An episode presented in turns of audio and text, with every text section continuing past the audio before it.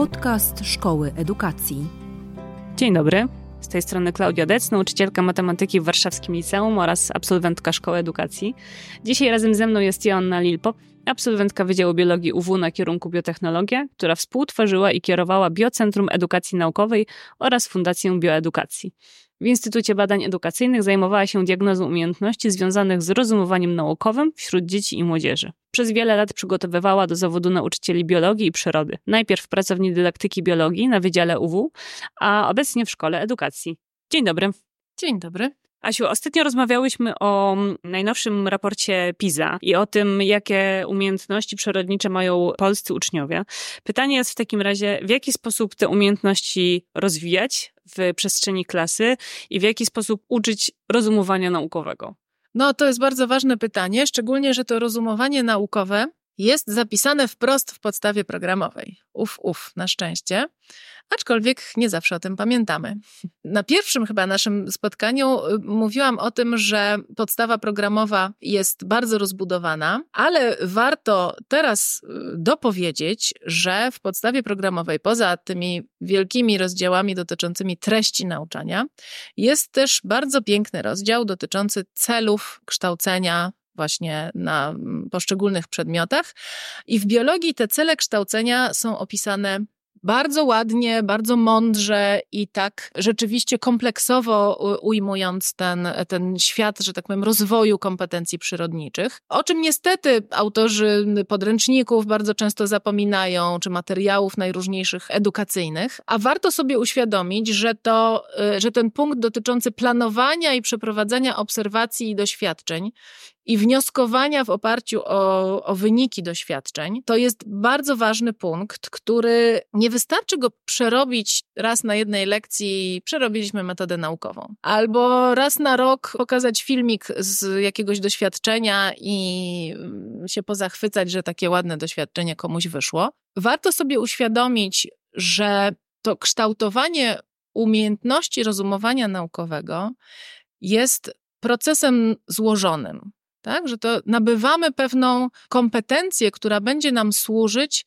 we współczesnym świecie i dorosłym ludziom właściwie na co dzień, bo to jest rozumienie, w jaki sposób powstaje nauka, powstają wyniki, w jaki sposób naukowcy określają czy coś działa, czy nie działa. No, fantastyczny przykład mieliśmy podczas pandemii, niekończących się dyskusji dotyczących, już nawet pomijam szczepionki, ale dotyczących noszenia maseczek. Nosić, czy nie nosić? Czy warto nosić, jakie warto, a jakie nie warto i jak je nosić?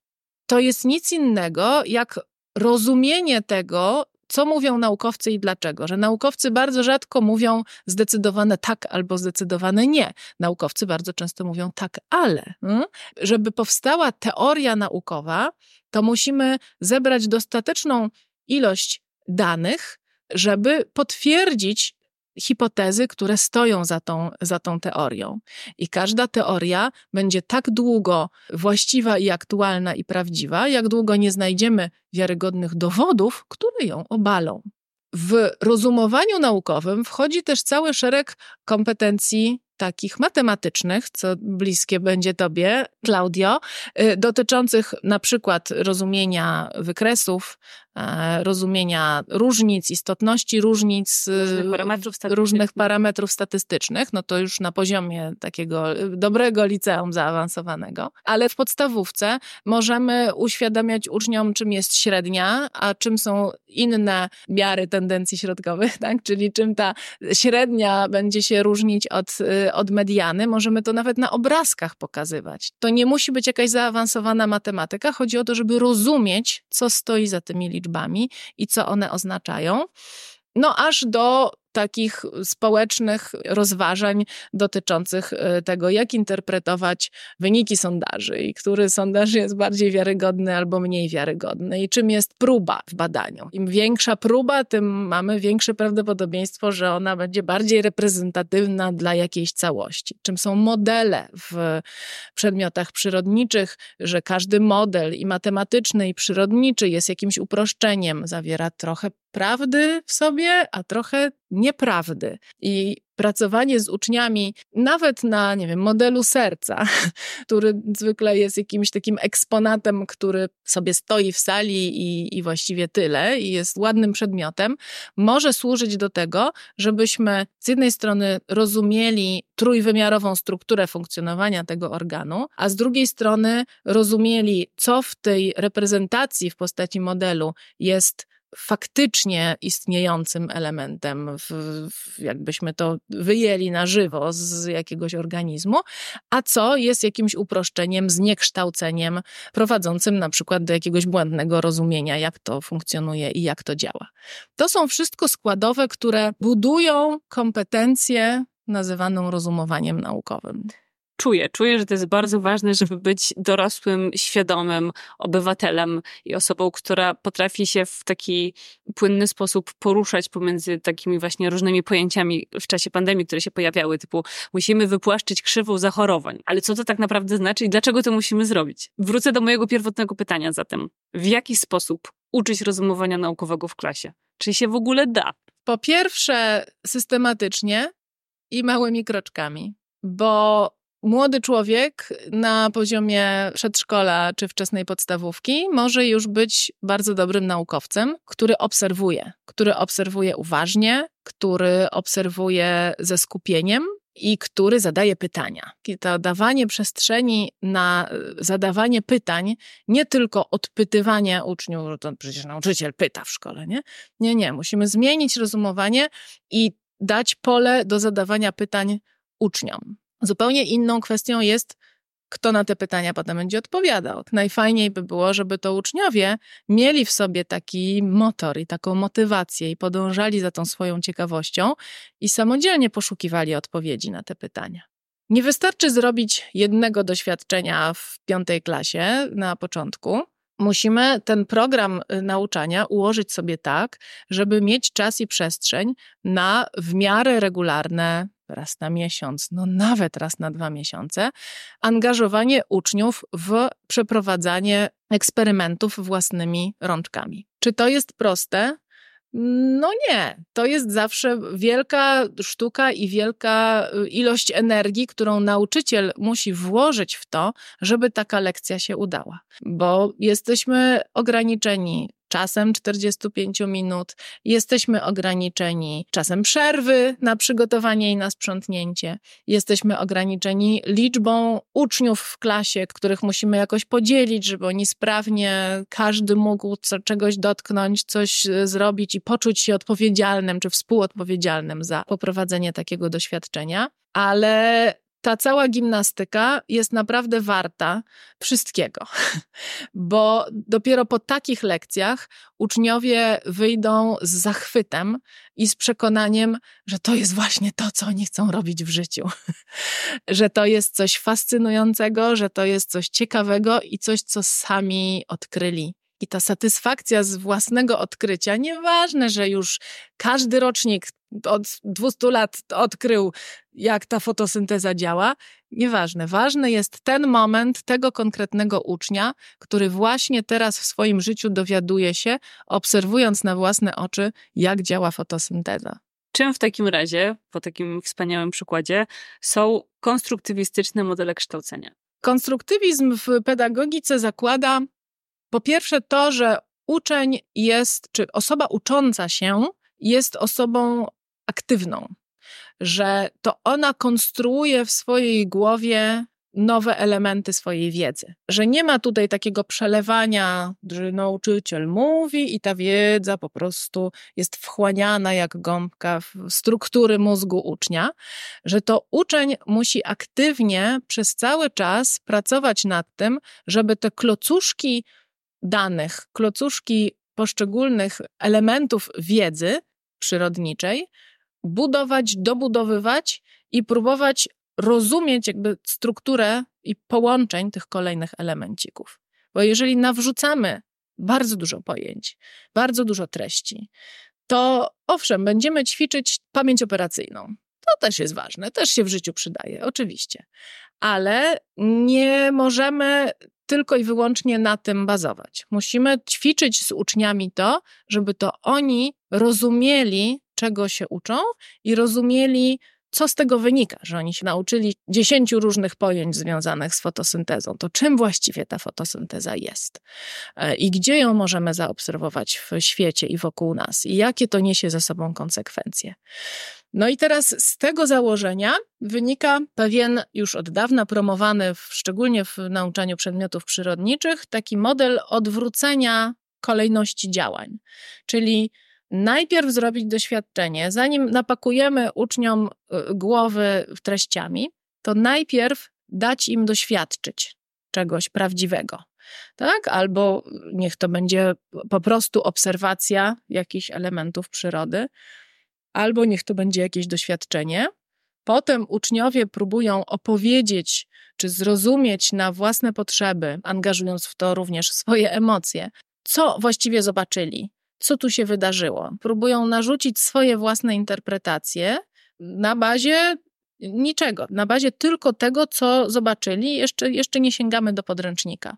Potem dopiero jak już mamy w jakiś sposób uwewnętrzniony ten, ten proces przez uczniów, to możemy sięgnąć do podręcznika, do wiedzy wykładowej. Tu jest ten moment, kiedy błyszczy nauczyciel, który tłumaczy właściwie uczniom, co oni zobaczyli, albo generuje odpowiedzi na pytania uczniów. No, a później, żeby zamknąć ten, ten cykl, to powinniśmy postawić przed uczniami pewne y, takie zadania ćwiczeniowe, tak? żeby im się utrwaliła ta wiedza, którą przed chwilą y, nabyli, żeby jeszcze raz im się ułożyła, żeby spróbowali zastosować tę wiedzę w nowym kontekście. Czyli takie cztery klocuszki. Najpierw doświadczenie, później taka refleksja i próba dociekania samodzielnego, co to doświadczenie znaczyło, Później komponent takiej twardej wiedzy, kiedy tu nauczyciel dostarcza informacji i to wszystko się układa w jakąś całość. I czwarty element ćwiczenie zastosowania i ewentualnie wtedy można odkryć, że no jeszcze, jeszcze czegoś nie rozumiemy, jeszcze coś trzeba tutaj doczytać, dowiedzieć się więcej. Czy jeżeli jest jakiś uczeń czy uczennica, y, którzy czują w sobie tego naukowego ducha i mają pod ręką różne podręczniki, w których są opisane pewne eksperymenty. I oni w swoim zaciszu domowym postanawiają wcielić się w takiego naukowca. Czy to jest dobry punkt wyjścia? Podręcznik? Tak. E, no, z podręcznikami bywa różnie. Kiedyś analizowałam podręczniki, to były jeszcze podręczniki gimnazjalne i Teraz ta sytuacja wygląda nieco lepiej, ale nadal wiele doświadczeń opisanych w podręcznikach szkolnych do biologii, nie wiem jak jest z fizyką i chemią, odnoszę wrażenie, że autorzy właściwie chyba nigdy nie przeprowadzili tych doświadczeń. To znaczy, niektóre są lepiej opisane, niektóre gorzej, ale przed osobą, która chciałaby samodzielnie powtórzyć doświadczenie na przykład z ową fotosyntezą, nagle otwierają się jakieś po prostu zupełne odchłanie pytań takich zupełnie praktyczno-technicznych. Jak to zrobić? Co to znaczy, że trzeba zalać moczarkę wodą e, gazowaną i liczyć bąbelki? To jest jeden z sztandarowych takich przykładów w materiałach edukacyjnych, które są powielane. To wyjaśnij proszę, o co chodzi w tym opisie enigmatycznym jakże mhm.